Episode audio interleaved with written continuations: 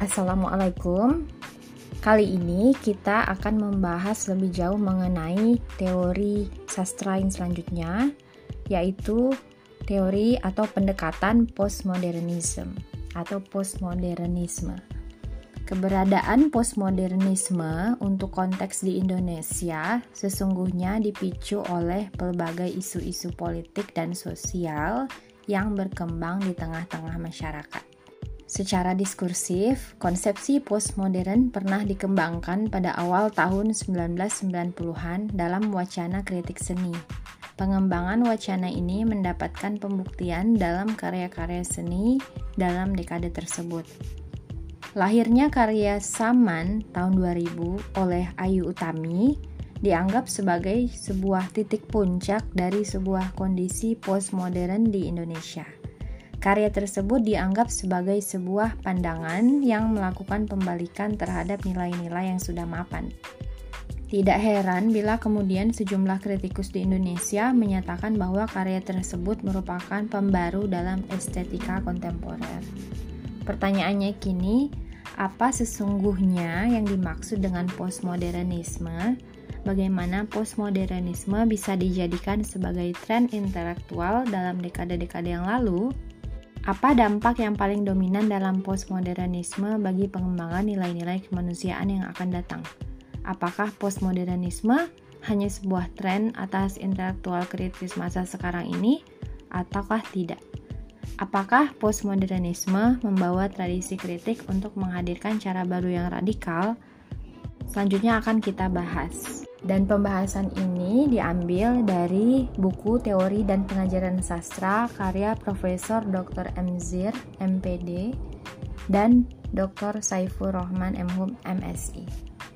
Postmodernisme menurut Lyotard dalam Anshori 1997 halaman 132 merupakan kritik atas masyarakat modern dan kegagalan modernisme memenuhi janji-janjinya.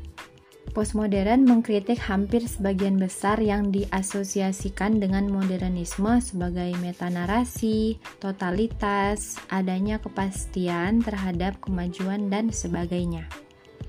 Dalam buku Mengenal Postmodernisme bagi Pemula, Apik Nanesi, Garat Sarda dan Kari 1998 mengatakan bahwa postmodernisme menyeratkan pengingkaran terhadap modernisme. Postmodernisme pada hakikatnya merupakan campuran dari beberapa atau seluruh pemaknaan hasil, akibat, perkembangan, penyangkalan, dan penolakan atas modernisme. Selanjutnya dikatakan terdapat delapan karakter sosiologis postmodernisme yang menonjol. Yang pertama, timbulnya pemberontakan secara kritis terhadap proyek modernitas, memudarnya kepercayaan pada agama yang bersifat transiden atau metanarasi, dan diterimanya pandangan pluralisme relativisme kebenaran. Yang kedua, meledaknya industri media massa, sehingga ia bagaikan perpanjangan dari sistem indera, organ, dan saraf kita yang pada urutannya menjadikan dunia menjadi terasa lebih kecil.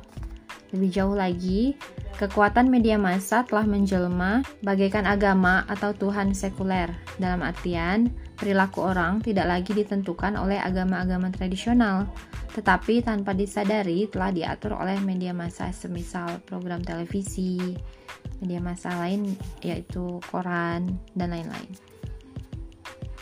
Yang ketiga adalah munculnya radikalisme etnis dan keagamaan. Fenomena ini diduga muncul sebagai reaksi ketika orang semakin meragukan kebenaran sains, teknologi, dan filsafat yang dinilai gagal memenuhi janji mereka untuk membebaskan manusia. Yang keempat, munculnya kecenderungan baru untuk menemukan identitas dan apresiasi serta keterikatan rasionalisme dengan masa lalu. Yang kelima, semakin menguatnya wilayah perkotaan atau urban sebagai pusat kebudayaan dan wilayah pedesaan sebagai daerah pinggiran. Pola ini juga berlaku bagi menguatnya dominasi negara maju atas negara berkembang.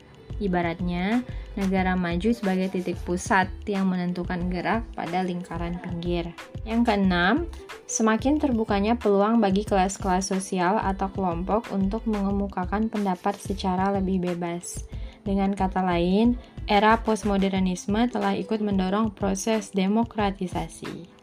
Yang ketujuh, era postmodernisme juga ditandai dengan munculnya kecenderungan bagi tumbuhnya elektisisme dan pencampur adukan dari pelbagai wacana, potret serpian-serpian realitas sehingga seseorang sulit untuk ditempatkan secara ketat pada kelompok budaya secara eksklusif.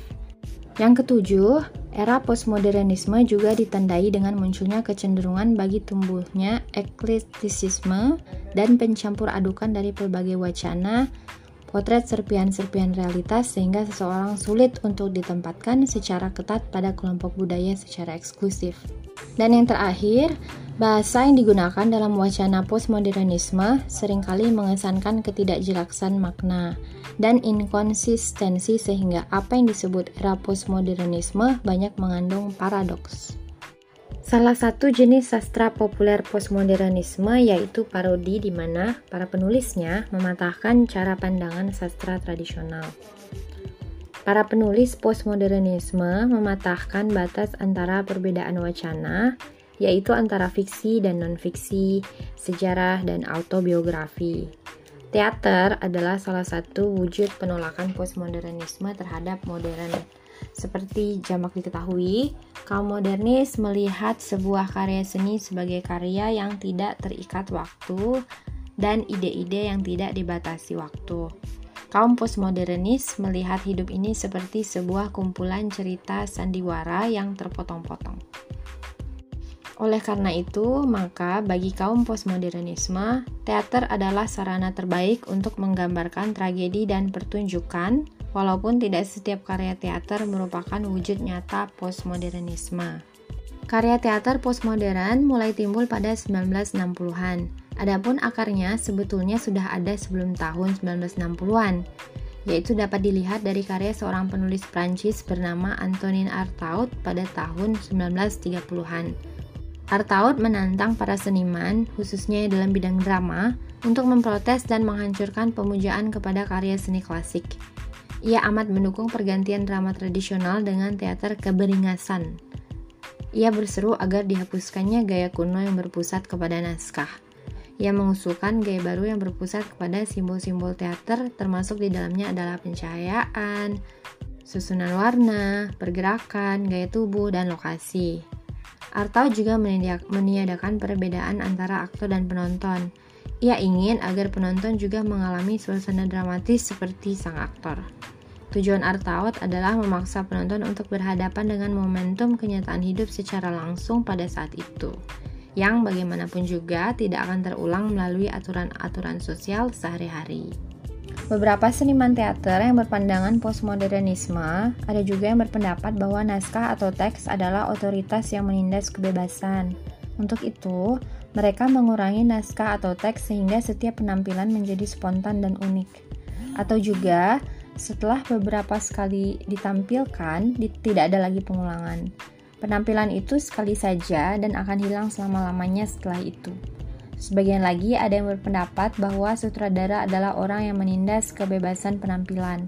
Untuk itu, mereka menekankan pada improvisasi atau tetap memakai sutradara namun lebih dari satu sehingga produksi teater atau film bukan lagi produksi tunggal dan utuh.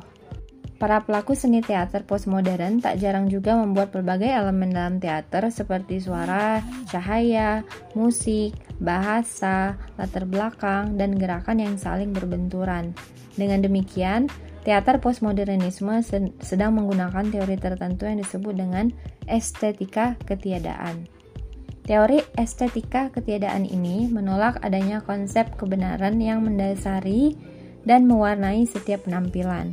Yang ada dalam setiap penampilan adalah kekosongan atau empty presence.